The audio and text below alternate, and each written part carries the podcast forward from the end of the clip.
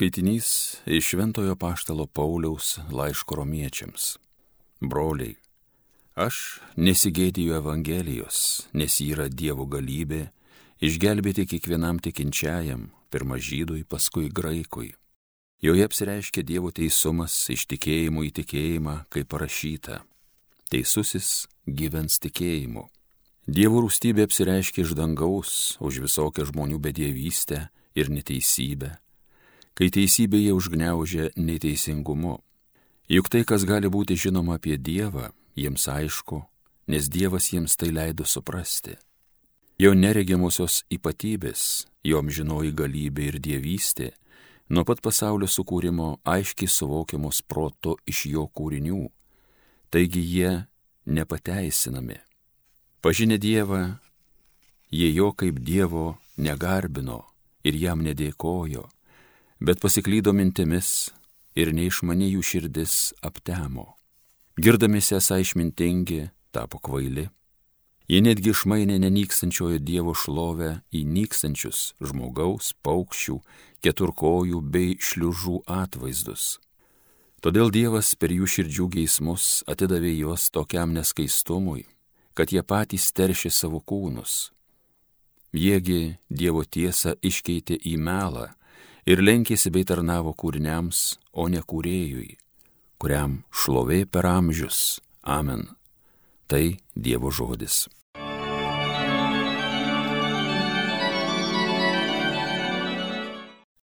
Skelbė dangus Dievo garbę. Skelbė dangus Dievo garbę, apie jų rankų darbus žvaigždėtasis kliautas byloja. Šią bylą kartoja diena, būsimai dienai, o naktis ateinančiai nakčiai skelbia dangus Dievo garbę. Čia ne tie žodžiai ir ne tos kalbos, kurių skambesio nebūtų girdėti. Per visą žemę eina jų aidas, jų kalbesys lygi kraštui pasaulio. Skelbia dangus Dievo garbę. Alleluja.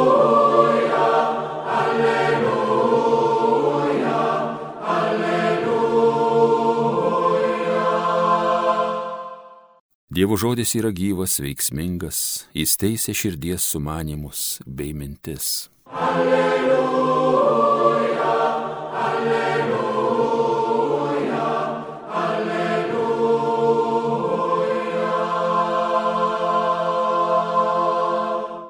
Viešpat su jumis. Pasiklausykite Šventojios Evangelijos pagal Luką.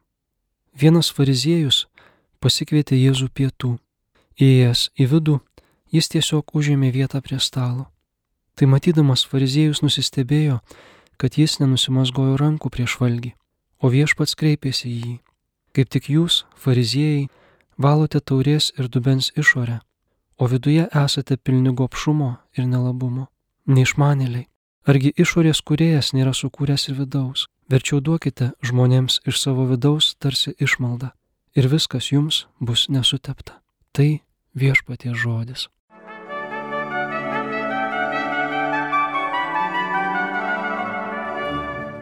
Evangelijose yra vietų, kur Jėzus tiesiog pratrūksta prieš rašto aiškintojus ir fariziejus, išvadindamas juos veidmainiais, vienokiais išorėje, kitokiais viduje. Veidmainystė baisi nuodėmi. Jėzus nieko nekritikavo taip aštriai, nerinkdama žodžių kaip veidmainių. Jiems kliuvo gerokai smarkiau nei didžiausiems nedorėliams. Ir šiandien Jėzaus pavyzdžių prieš veidmainystę užsimota ne juokais. Steigiamos komisijos bažnyčios veidmainystėj demaskuoti. Viens už kitą šventesni neveidmainiai pliekia jau gulinčius ir negalinčius pasipriešinti veidmainius. Nepaliksim nei vieno, visus išaiškinsim. Kuris čia protingas žmogus pasakė, kad pragaras tai kiti, veidmainiai tai kiti. Kažkaip neprisimena, kad kas save būtų pripažinęs tikrų veidmainių. Ar nerastume pagrindo save pavadinti veidmainiais kiekvienas? Juk siekiame šventumo, o darome nuodėmę. Ir apaštalas Paulius stotų į veidmainių būrį, jis pats prisipažino, nedarau gėrio, kurio trokštų, o darau blogį, kurio nenoriu. Jei jau pradėjom apie veidmainystę, tai teskim. Veidmainystė būna maža, didelė ir labai didelė. Ar jums netrodo, kad į bažnyčios veidmainystę prikišamai rodyt gali kita, daug didesnė veidmainystė? Šiandien nuo žodžio veidmainiai krūpčioja ir gūžiasi išskirtinai tik bažnyčios nariai - viskupai, kunigai, eiliniai katalikai. Šis žodis rezervuotas tik jiems. Pasaulyje veidmainystės nėra, o gal yra, ir gal jie gerokai didesnio masto. Bažnyčia apkaltinama dėl pavienių jos narių niekšybių.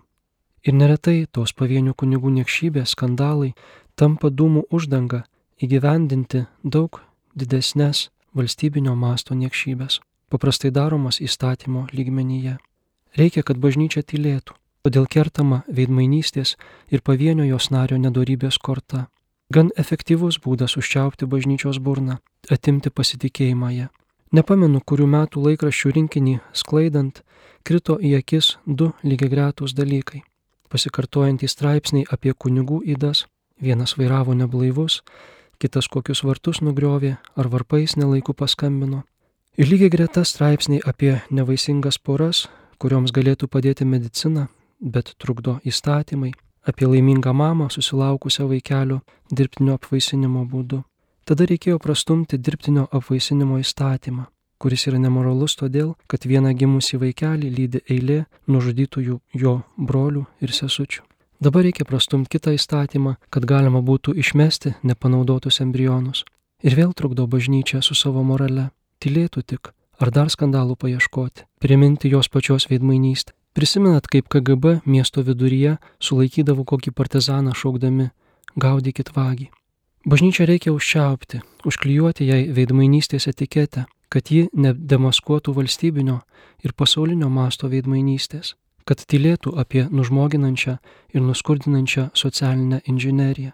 Argi ne veidmainystė, kad deklaruotas piliečių atstovavimas politikoje jau senai išduotas?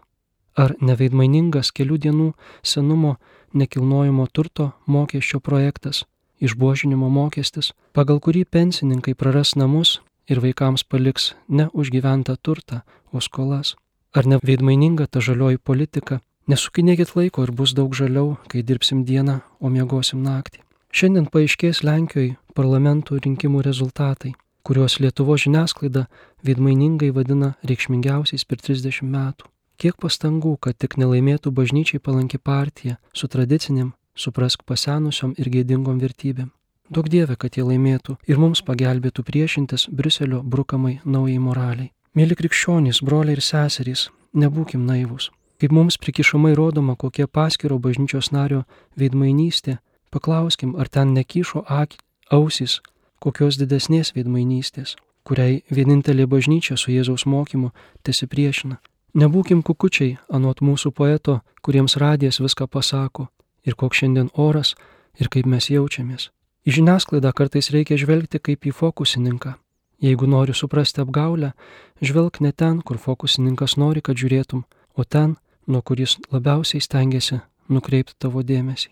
Žinoma, labiausiai reikia žvelgti į Jėzų, kasdien su juo kalbėtis, kad iš proto einantis pasaulis nenusineštų ir mūsų kartu.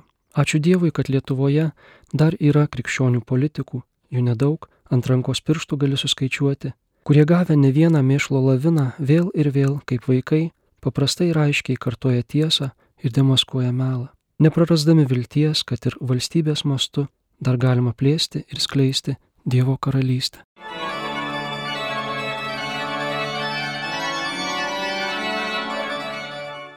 Homilija sakė kunigas Mindaugas Martinaitis.